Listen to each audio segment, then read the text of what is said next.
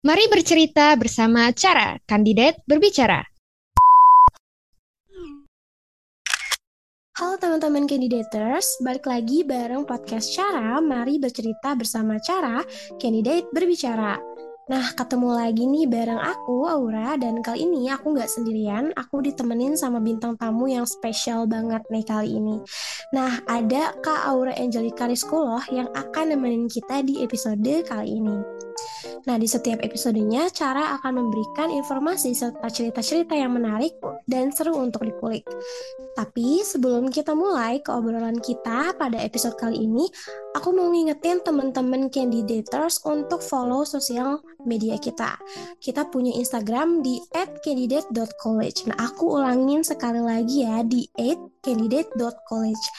Jangan sampai ketinggalan nih karena lewat sosial media kita bakal share informasi yang menarik di sana. Oke, jadi di episode ke-8 kali ini kita bakalan ngomongin tentang uh, women empowerment nih. Jadi buat teman-teman yang penasaran gimana sih women empowerment ini, so kita bareng-bareng diskusi kali ini gitu ya sama Kak Aura. Nah, karena aku udah penasaran banget nih dan aku yakin teman-teman juga udah pasti penasaran banget apalagi topik feminis gitu ya topik tentang wanita atau perempuan gitu ya tentang perjuangan untuk kesetaraan gender nih hangat banget untuk dibahas gitu ya. Jadi langsung aja deh kita mulai obrolan kita hari ini. Nah kita sapa-sapa dulu kali ya Kak Aura. Halo Kak Aura Hai, halo Aura. Nama kita sama ya. Iya, jadi mungkin uh, nanti agak bingung gitu ya teman-teman. Nah, mungkin aku bakal panggilnya Kak Rara aja kali ya. Oke, boleh. Kak Rara gimana nih kabarnya gitu ya? Setelah mungkin um, menjalani aktivitas seharian ini gitu ya kita record FYI kita record malam-malam gitu ya. Nah gimana nih kabarnya setelah seharian penuh ini menjalani aktivitas? Hai halo Aura. Alhamdulillah uh, hari ini cukup baik ya. Insya Allah setiap harinya baik seperti itu. Kamu gimana kabarnya aku baik banget pastinya dan sebenarnya aku ini excited banget sih dari pagi gitu ya nunggu momen-momen untuk ngobrol-ngobrol nih kita tentang tema kita kali ini gitu ya. Dan mungkin aku juga pengen nih nanya kesibukan gitu ya karena mengingat gitu ya aku mau kasih tahu teman-teman kandidators juga kalau Kak Rara ini sekarang lagi ada di semester 6 gitu ya. Jadi mungkin agak sedikit hektik atau banyak gitu ya setelah kita tahu bahwa selain kuliah juga Karara ini punya banyak kegiatan nih di luar kampus. Nah, kira-kira kesibukan yang sedang dijalani atau dimiliki ini apa aja sih, Kak? Oke, okay, tentunya kesibukannya saat ini sebagai mahasiswa ya, pasti disibukkan dengan berbagai tugas, kemudian apalagi menuju semester 6, persiapan menuju KKN, dan berbagai hal lainnya gitu. Yang pertama kesibukannya tentunya kuliah, uh, kesibukannya belajar dan uh, aku memiliki beberapa pekerjaan juga yang saat ini sedang aku jalani itu aja sih. Oke, padat banget ya di sisi lain harus bagi waktu untuk belajar mengingat mau KKN gitu ya, mau menjelang skripsian juga barangkali dan juga masih harus kerja gitu ya. Pejuang cuan banget ya. Uh, nah, oke okay nih. Dan aku tahu nih Kak Rara tuh dari postingan Instagramnya ya, karena kita follow-followan juga gitu ya. Aku ngeliat kalau uh, Kak Rara ini menjabat sebagai putri pendidikan dan juga putri disabilitas. Boleh dong dijelasin mungkin lebih detailnya ya kayak uh, sebenarnya sosok putri itu seperti apa sih dan uh, apa aja sih yang dilakuin gitu dalam kegiatan-kegiatan putri itu? Oke ya, um, putri ya putri itu perlu teman-teman tahu bahwa menjadi seorang duta, menjadi seorang putri atau putra daerah itu tidak melulu harus cantik dan ganteng ya teman-teman semuanya. Jadi putri yang dimaksud di sini adalah seorang perempuan yang memang menjadi pelopor gitu, menjadi pelopor, menjadi contoh dan teladan yang baik bagi sekitarnya atau masyarakat dan juga orang-orang terdekat seperti itu. Alhamdulillah di mana uh, kali ini aku menjabat sebagai uh, putri pendidikan Indonesia, kemudian juga putri literasi Indonesia, memiliki gelar amanah sebagai Duta Pendidikan Disabilitas Indonesia, itu adalah salah satu amanah yang memang amanah yang cukup besar dan tanggung jawab yang besar kepada aku selama satu tahun menjabat seperti itu. Dan apa yang kita lakukan? Yang kita lakukan tentunya adalah mengedukasi, memberikan informasi dan sosialisasi terkait dengan pendidikan dan juga isu-isu literasi serta disabilitas yang ada di masyarakat seperti itu. Bentuknya adalah kegiatan-kegiatan dan juga program kerja seperti itu Aura.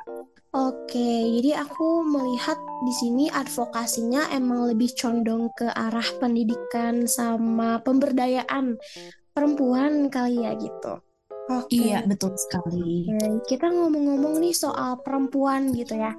Dan menjadi seorang perempuan itu pastinya dengan memiliki titel yang bermacam-macam seperti duta pendidikan, putri pendidikan gitu, putri liter putri literasi, duta disabilitas. Nah, kira-kira um, menurut Kak Rara sendiri nih perempuan gitu ya sebagai pejuang dari uh, kesetaraan gender dalam hal ini juga women empowerment gitu ya bisa dibilang tuh kira-kira menurut Kak Rara sendiri women empowerment tuh apa sih?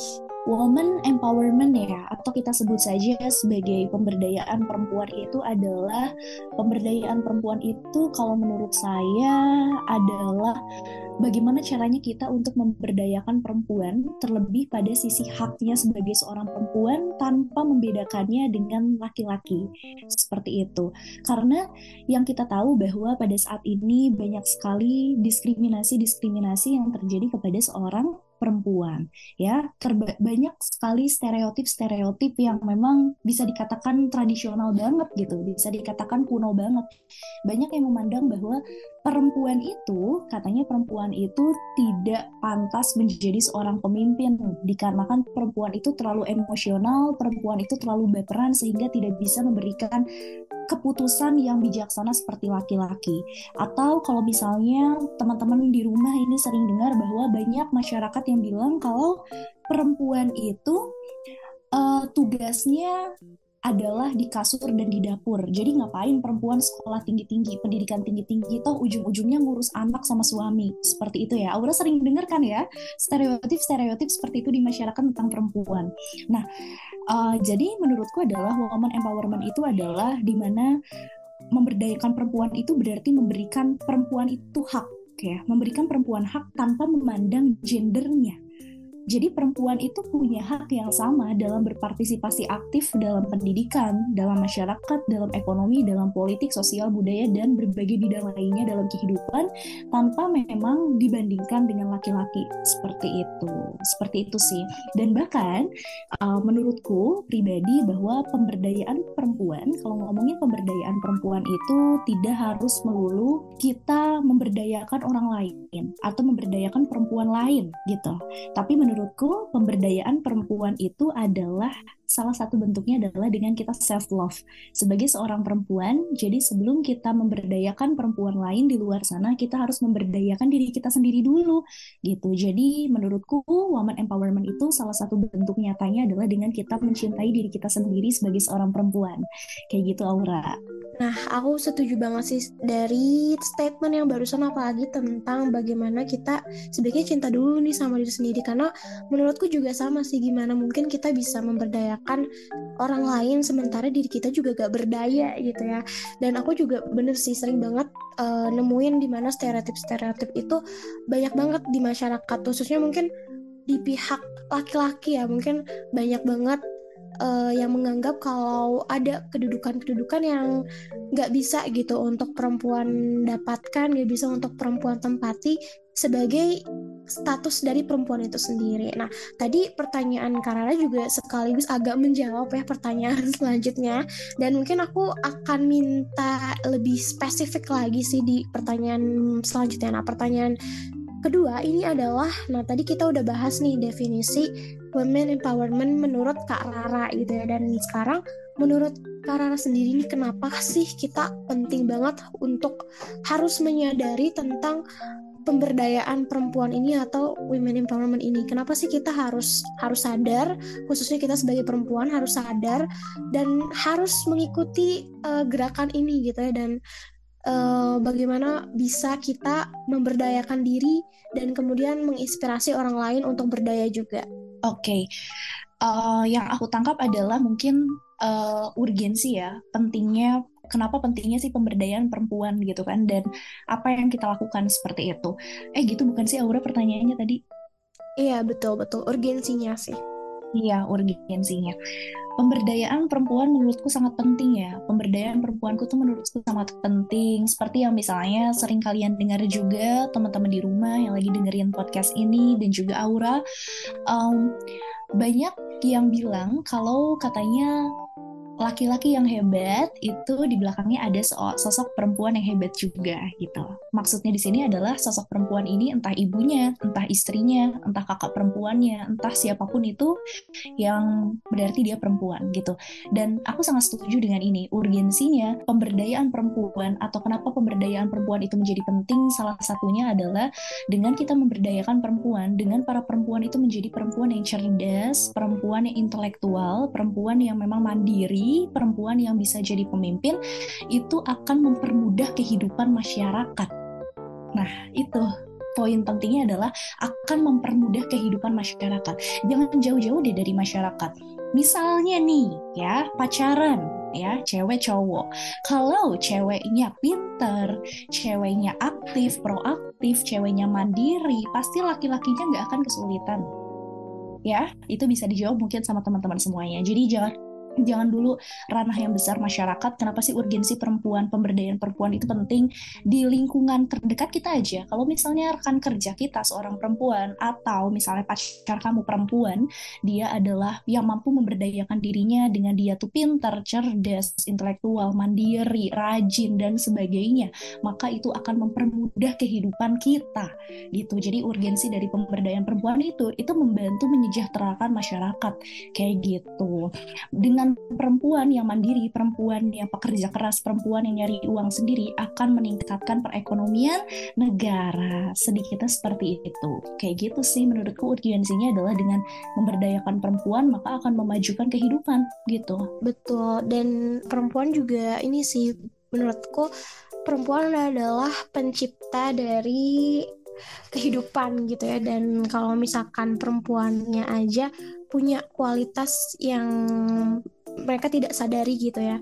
Jadi um, bagaimana mungkin kita bisa menciptakan lingkungan yang lebih baik. Dan ngomong-ngomong nih tentang women empowerment tadi kita udah bahas nih urgensinya dan kira-kira uh, sebagai putri pendidikan dan juga duta disabilitas ini Kak Aura Karara udah membuat perubahan apa aja mungkin uh, bagi, mungkin dampak bagi lingkungan Karara sendiri atau dampak bagi diri Karara sendiri yang lebih cakupannya luas lagi juga boleh mungkin kira-kira menurut Karara sendiri setelah Karara dinobatkan menjadi putri dan duta kira-kira apa sih yang berubah gitu di dalam hidupnya Karara? Um, sebenarnya tidak begitu banyak perubahan yang signifikan ya seperti itu. Justru dengan menjabat sebagai seorang duta seorang putri menambah tanggung jawab gitu ya menambah tanggung jawab yang dan amanah yang sangat besar untuk kita seperti itu. Nah berkaitan dengan woman empowerment dengan pemberdayaan perempuan ya uh, jadi jauh sebelum menjadi seorang duta diamanahkan menjadi seorang putri alhamdulillahnya uh, aku senang memberdayakan perempuan. Kenapa? Karena uh, berasal dari pengalaman pribadi yang memang kurang mengenakan gitu sebagai seorang perempuan gitu ya. Nah, jadi apa yang aku lakukan? Jadi alhamdulillah pada saat itu Uh, aku membuat sebuah tim. Ini waktu kita ngomongin COVID ya. Waktu COVID kan semuanya serba work from home, semuanya serba di rumah. Maka aku membuat suatu webinar nasional di mana pembicaranya itu adalah perempuan. Aku sendiri, kemudian juga uh, para panitianya itu adalah perempuan. Jadi aku memberdayakan perempuan dengan para panitia keseluruhannya adalah perempuan. Walaupun misalnya IT itu terkenalnya yang jago laki-laki, tapi enggak, aku ngambil perempuan gitu. Kemudian partisipannya pun adalah semuanya perempuan seperti itu. Nah itu adalah salah satu bentuk uh, pemberdayaan perempuan yang memang pernah aku pribadi lakukan dengan membuat suatu webinar ya yang berkaitan dengan nah ini topik-topik yang memang menjadi stereotip uh, tradisional oleh masyarakat kita. Ya contohnya kayak gini teman-teman semuanya bahwa pada saat itu banyak stereotip. Oke kita berangkat dari stereotip. Stereotipnya katanya perempuan itu nggak pandai jadi pemimpin. Ya perempuan itu nggak bisa jadi pemimpin. Nah aku membuka kelas leadership seperti itu. Aku membuka kelas leadership, bagaimana menjadi pemimpin yang baik itu seperti apa. Tipe-tipe setiap orang, tiap kepribadian orang tuh punya tipenya dalam memimpin itu dipelajari di sana. Itu yang, pertama. Selain kelas leadership atau kelas kepemimpinan, aku juga membuat kelas public speaking gitu. Menjadi seorang perempuan itu tidak hanya uh, diam saja. Kebanyakan perempuan itu takut untuk speak up, takut berbicara, makanya berdasarkan dari hal tersebut membuat kelas public speaking. Bagaimana sih menjadi seorang perempuan dengan uh, komunikasi asertif, komunikasi yang baik yang dapat diterima oleh semua orang. Itu belajar di situ. Dipelajari juga bagaimana menjadi seorang perempuan yang mampu menginfluence, mampu mempengaruhi orang lain dipelajari juga di sana. Gitu ya. Kemudian juga selain kelas leadership, kemudian public speaking juga pada saat itu menggelar kelas uh, writing, kepenulisan gitu ya sebagai seorang perempuan yang memang um, tidak melulu mampu untuk mengomunikasikan apa yang kita rasakan, apa yang kita pikirkan, maka ditulislah dalam sebuah tulisan, sebuah karya kayak gitu. Dan tidak hanya bentuknya, tidak hanya berupa uh, edukasi aja gitu ya uh, kuncinya dari pemberdayaan perempuan itu adalah dengan kita memberikan akses atau informasi, baik itu sosialisasi, edukasi, dan pendidikan terhadap apa yang perempuan butuhkan. Seperti itu. Jadi, seperti yang sudah saya lakukan, di mana membuka kelas leadership, public speaking, writing, dan lain sebagainya. Itu sih. Jadi, memang kuncinya kalau kita memberdayakan perempuan itu adalah dengan mencerdaskan dengan mensosialisasikan, memberikan informasi yang selebar-lebarnya terhadap perempuan, tidak hanya soal ilmunya saja, tetapi juga dengan praktiknya. Seperti itu, Aura. Nah, dari jawaban Karara ini, aku juga jadi teringat sih sama salah satu ucapan Putri Lingkungan Indonesia. Um, beliau bilang kalau misalkan perempuan itu kalau misalkan berangkat dari semuanya ber, harus berangkat dari pendidikan dulu gitu ya. Karena buat apa kita mau praktik tapi kita nggak tahu nih uh, ilmunya gitu. Dan aku setuju banget sih sama tadi karena mungkin berbicara soal perlawanan ya. Mungkin kalau misalkan kita bilang tentang uh, kesetaraan gender gitu ya pemberdayaan perempuan perlawanan perempuan gitu ya. Mungkin orang-orang berpikir selama ini perlawanan itu harus secara fisik gitu ya harus secara materi.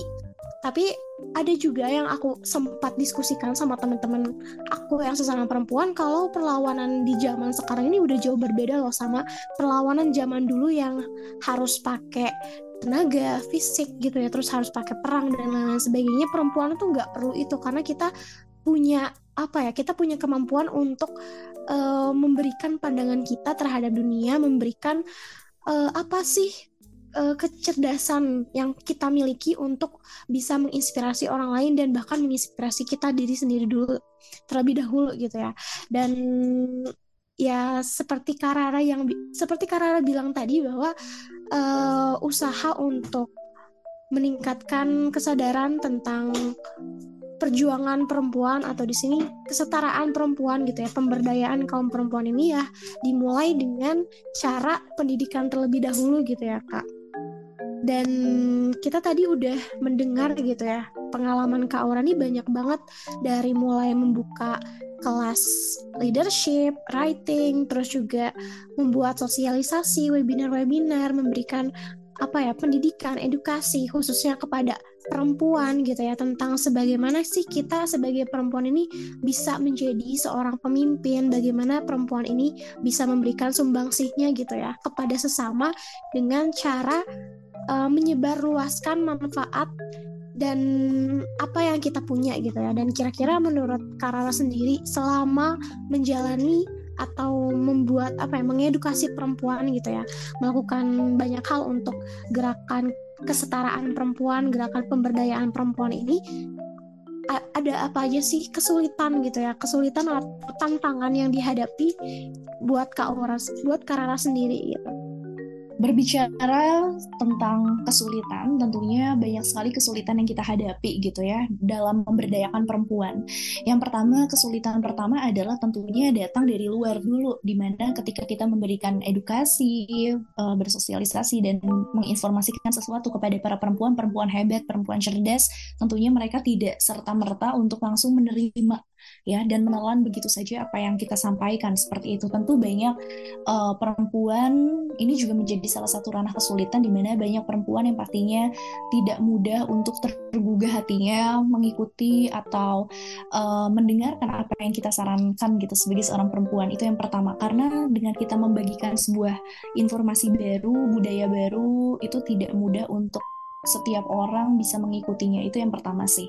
Kemudian yang kedua adalah kesulitannya adalah uh, tidak boleh berhenti gitu. Kalau misalnya ingin menghasilkan suatu progres, maka harus bersifat kontinu. Artinya pemberdayaan ini jangan dilakukan hanya sekali dan dua kali saja. Misalnya berbagai edukasi lainnya cuma sekali dua kali aja. Dan selanjutnya loss aja gitu hilang. Nah, nggak bisa seperti itu. Jadi kalau misalnya kita sudah berniat untuk melakukan pemberdayaan, pemberdayaan perempuan, maka harus continue.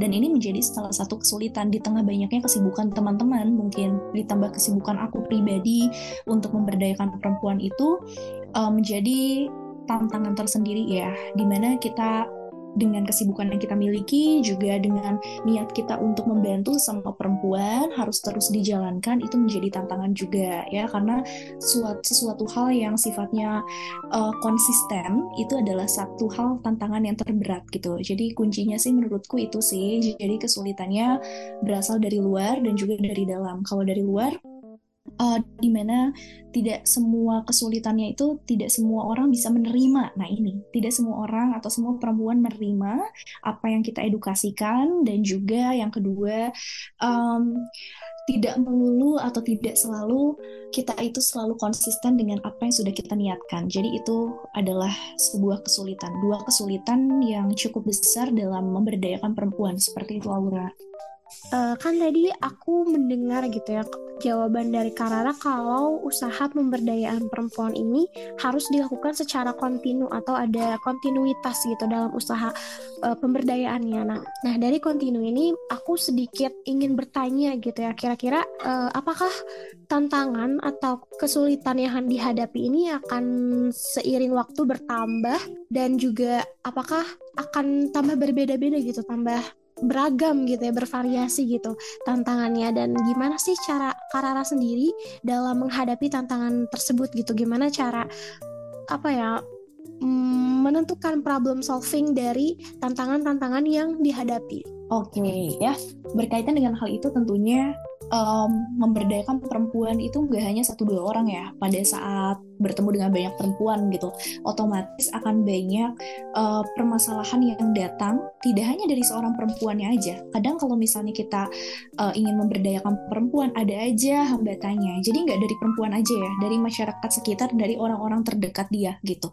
Dan uh, cara menghadapinya adalah uh, memberdayakan itu mengedukasi, memberikan pendidikan itu tidak memaksa sifatnya. Jadi yang mau ayo, yang tidak ya udah nggak apa-apa kayak gitu. Itu sih uh, konsep dasar yang memang selalu aku pegang dari dulu ketika aku ingin berbagi sama orang-orang. Jadi yang penting niatnya adalah aku sudah berbagi, aku sudah uh, mencoba untuk membagikan hal yang memang bisa aku bagikan, mau diterima alhamdulillah, mau tidak pun ya sudah, tidak apa-apa karena memberikan pendidikan itu tidak boleh sifatnya memaksa. Jadi semisal uh, nanti hambatannya datang dari seorang perempuannya atau dari orang-orang terdekatnya, ya sudah gitu. Yang penting aku sudah um, memberikan apa yang aku bisa berikan, mengedukasi apa yang bisa aku sampaikan saja seperti itu. Tanpa ada unsur paksaan mau didengarkan silahkan mau tidak pun tidak masalah.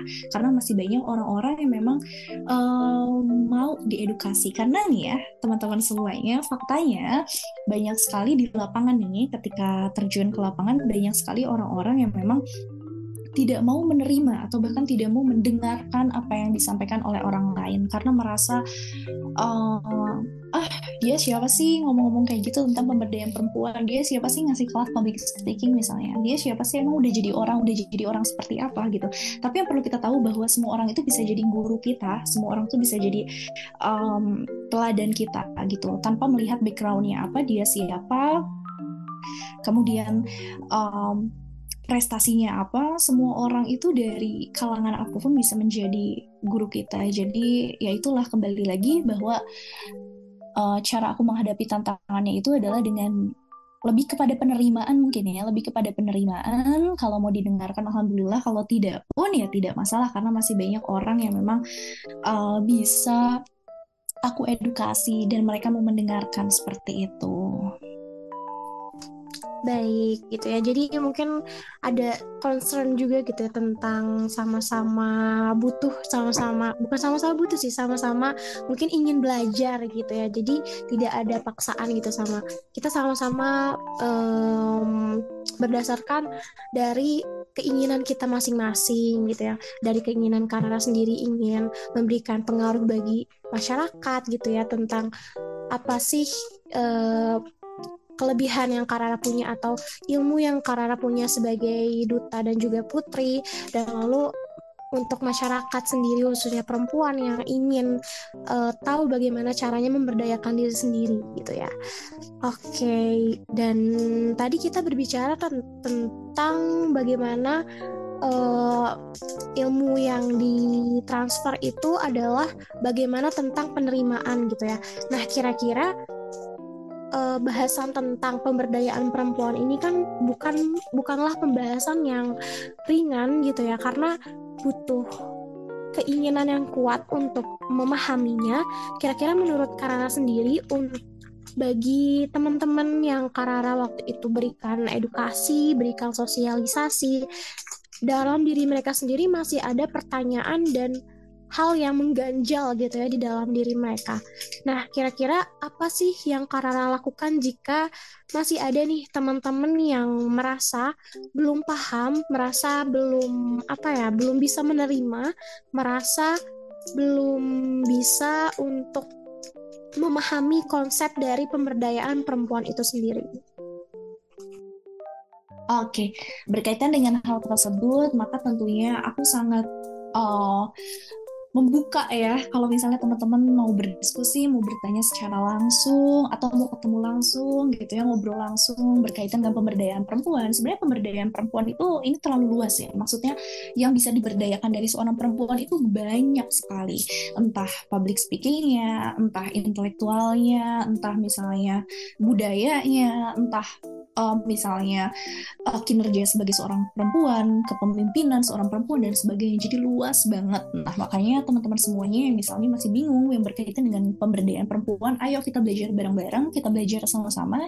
Teman-teman feel free untuk bisa kontak aku di Instagram dengan DM atau kita misalnya mau telepon, mau chit-chat ngomongin ini itu. Aku sangat terbuka akan hal itu tidak hanya untuk perempuan gitu ya. Untuk teman-teman yang memang laki-laki pun sama saja gitu. Jadi misalnya teman-teman kita mau berdiskusi aku sangat senang ketika diajak berdiskusi gitu kalau ada yang belum paham. Jadi artinya uh, bukan mau menggurui tapi kita belajar bareng-bareng. Teman-teman bisa belajar dari aku dan aku bisa belajar langsung dari teman-teman. Seperti itu sih. Jadi kalau berkaitan hal tersebut kita bisa langsung diskusi bisa langsung ngobrol bareng. Kayak gitu sih Aura.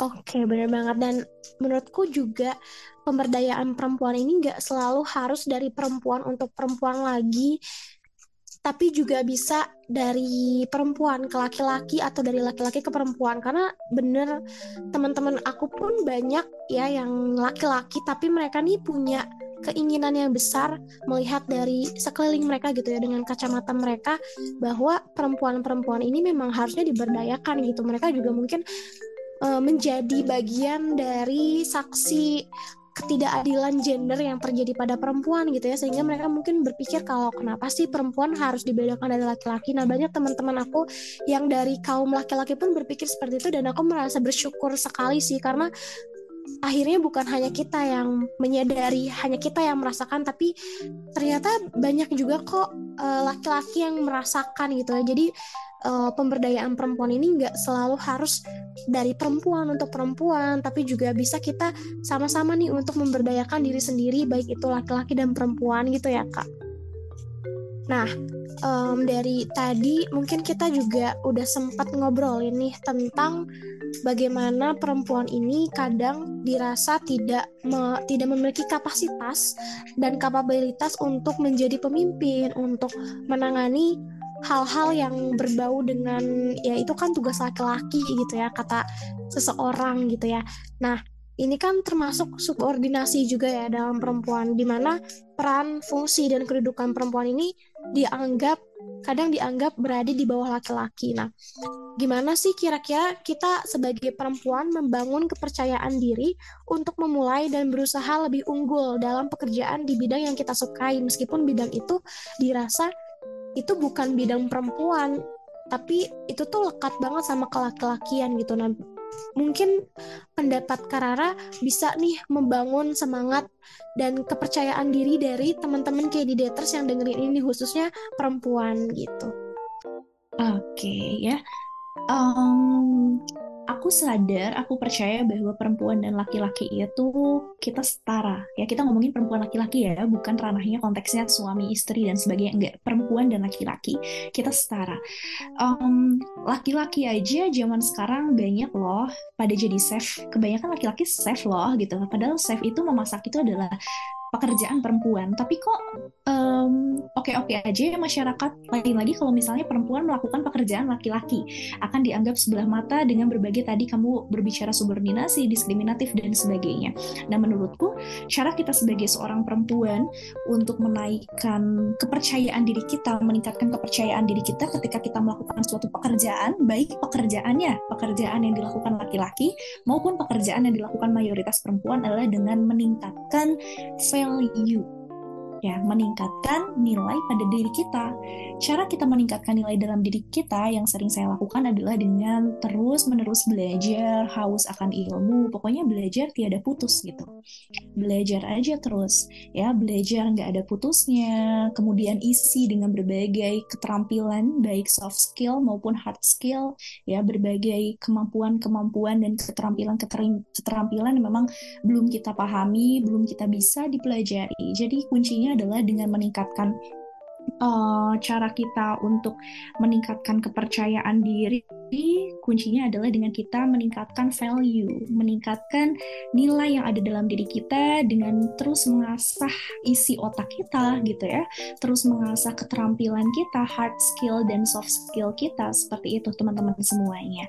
Dan dengan kita tadi kembali lagi di awal yang seperti aku bilang bahwa memberdayakan perempuan itu dimulai dari memberdayakan diri sendiri dan cara kita memberdayakan diri sendiri adalah dengan self love. Jadi cintai dulu diri kita sendiri, penuhi dulu diri kita sendiri, baru deh kita uh, memberdayakan orang lain. Jadi self love dengan kita self love, dengan kita meningkatkan value diri kita, kualitas diri kita, maka kita nggak akan insecure sebagai perempuan. Ya, alhamdulillahnya uh, ketika misalnya saya pribadi gitu banyak belajar, banyak pengalaman yang didapat dapat kata insecure itu tidak ada lagi dalam diri saya gitu. Bukan bermaksud mau sombong atau gimana enggak. Tapi uh, kenapa enggak insecure? Karena memang aku percaya bahwa aku bernilai aku bisa, aku bernilai, dan aku juga hebat. Kayak gitu aja. Jadi tanamkan mindset-mindset positif pada diri kita. Itu yang pertama, bikin kita pede itu berawal dari pikiran, teman-teman.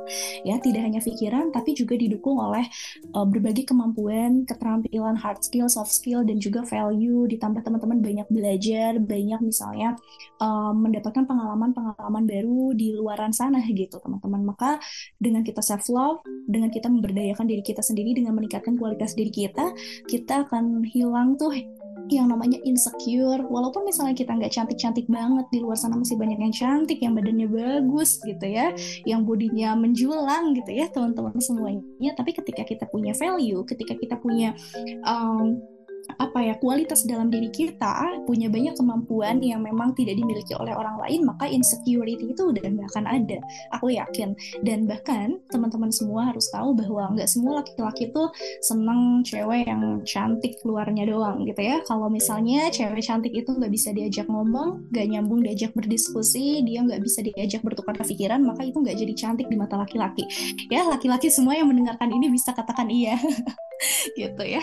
Oke, jadi kuncinya adalah menaruh kepercayaan diri kita dengan meningkatkan kualitas diri, banyak belajar, asah terus kemampuan uh, soft skill kita, hard skill kita, dan juga harus self love biar nggak ada lagi tuh kita nggak pede dan juga insecure gitu sih Aura. Oke, keren banget dan aku setuju banget sih. Jadi menurutku ya kalau misalkan kita udah punya sesuatu yang menjadi karisma kita gitu, misalkan jadi ciri khas dan jadi value tadi yang kata Karara bilang, kita nih bakal merasa pede-pede aja. Jadi karena ya karena gue pede, karena gue punya sesuatu yang bisa gue tunjukin ke orang lain dan kepada dunia gitu ya intinya. Gitu. Jadi bener sih kata Karara tadi buat perempuan-perempuan khususnya teman-teman kandidaters yang lagi ngedengerin ini, percayalah kalau misalkan kalian ini punya sesuatu yang berbeda dari orang lain dan itu hanya dimiliki diri kamu sendiri gitu dan kamu harus mencoba untuk mengasah hal itu sehingga itulah yang membedakan diri kamu sama orang lain gitu ya kak. Oke, nah kita iya nih kita udah berbicara panjang lebar nih ya tentang pemberdayaan perempuan tentang women empowerment gitu ya. Seperti apa sih pemberdayaan perempuan? Bagaimana sih Karara dengan detail-detailnya bisa mem, apa ya memberikan sisi yang positif gitu ya baik pada diri sendiri maupun orang lain. Terus bagaimana sih tantangan-tantangan yang harus dihadapi dengan apa ya de, untuk mengusahakan pemberdayaan perempuan ini. Nah, kira-kira dari pembahasan kita yang tadi cukup berat gitu ya dan mungkin uh, semoga bisa teman-teman semua mengerti. Nah, uh, kira-kira closing statement apa nih yang mau Karara utarakan ke teman-teman candidates di rumah? Oke okay, ya, uh, closing statementnya mungkin uh, tidak sepanjang itu, singkat aja teman-teman semuanya, kita sebagai seorang perempuan itu harus uh, terus meningkatkan kualitas diri kita, harus mampu berdaya saing, ya, harus terus belajar, meningkatkan kualitas pada diri kita, baik yang belum kita tahu maupun yang sudah kita bisa. Jadi terus aja ditingkatkan, karena dengan terus belajar maka perempuan itu akan semakin hebat gitu ya.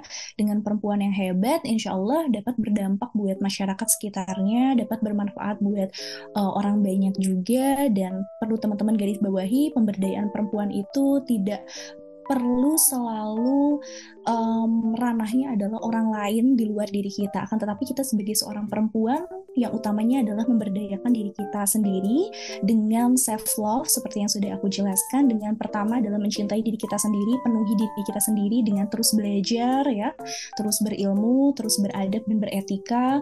Uh, baru deh setelah itu kita berbagi bermanfaat kepada orang-orang. Insya Allah kita nggak akan uh, kenal yang namanya insecure. Kita akan akan selalu merasa bernilai dan juga bangga tentunya dengan diri kita. Seperti itu.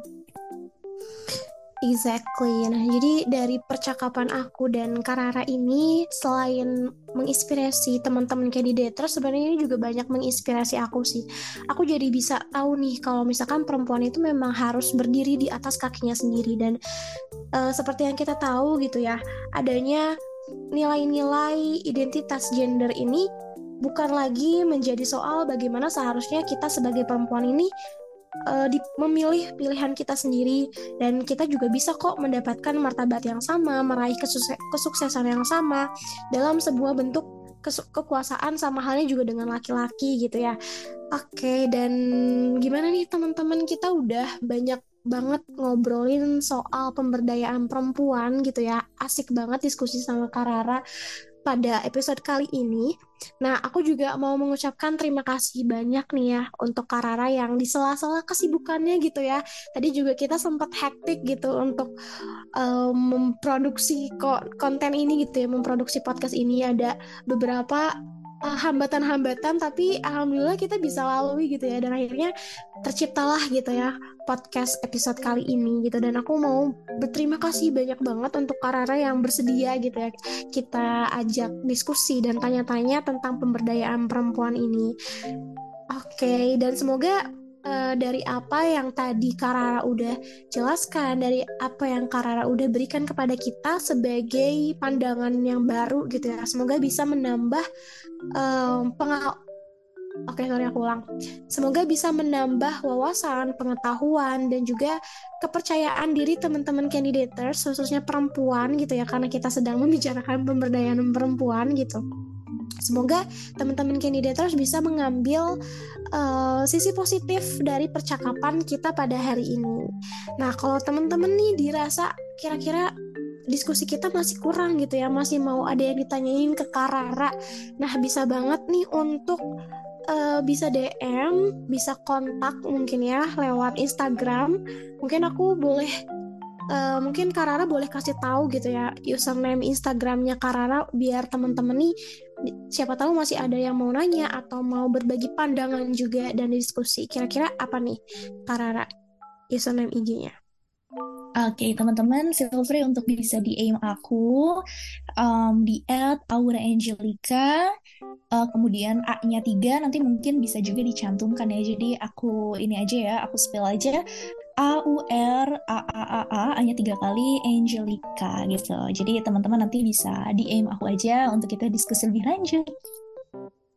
Oke jadi tunggu apa lagi teman-teman kira-kira yang nggak mungkin lah ya dari percakapan dari dari pandangan Karara tadi nggak mungkin cuma puas sampai situ doang, pasti pengen menggali lebih gitu ya dari Karara. Oke, jadi bisa langsung digas aja untuk tanya-tanya gitu ya ke Karara. Nah, kalau candidators ini juga pengen berbagi cerita dan kemudian ceritanya kita bacain di podcast atau kalian juga pengen request nih untuk episode selanjutnya, feel free untuk um, DM kita di sosial media kita at candidate.college. Aku ulangin sekali lagi ya di at candidate.college. Kalau kalian seneng nih sama konten dari podcast Candidate Berbicara, wajib banget untuk klik follow dan jangan lupa nyalain loncengnya supaya kalian tetap update dan gak ketinggalan sama keseruan-keseruan podcast Syara. Nah, terima kasih untuk teman-teman yang udah setia ngedengerin podcast kita, podcast Candidate Berbicara, di episode ke-6 pada tahun 2023 ini. See you on the next episode. Mungkin kita bisa sapa teman-teman untuk yang terakhir kalinya ya, Kak Aura bareng-bareng. Oke, okay, dadah semua. Dadah guys, sampai ketemu lagi.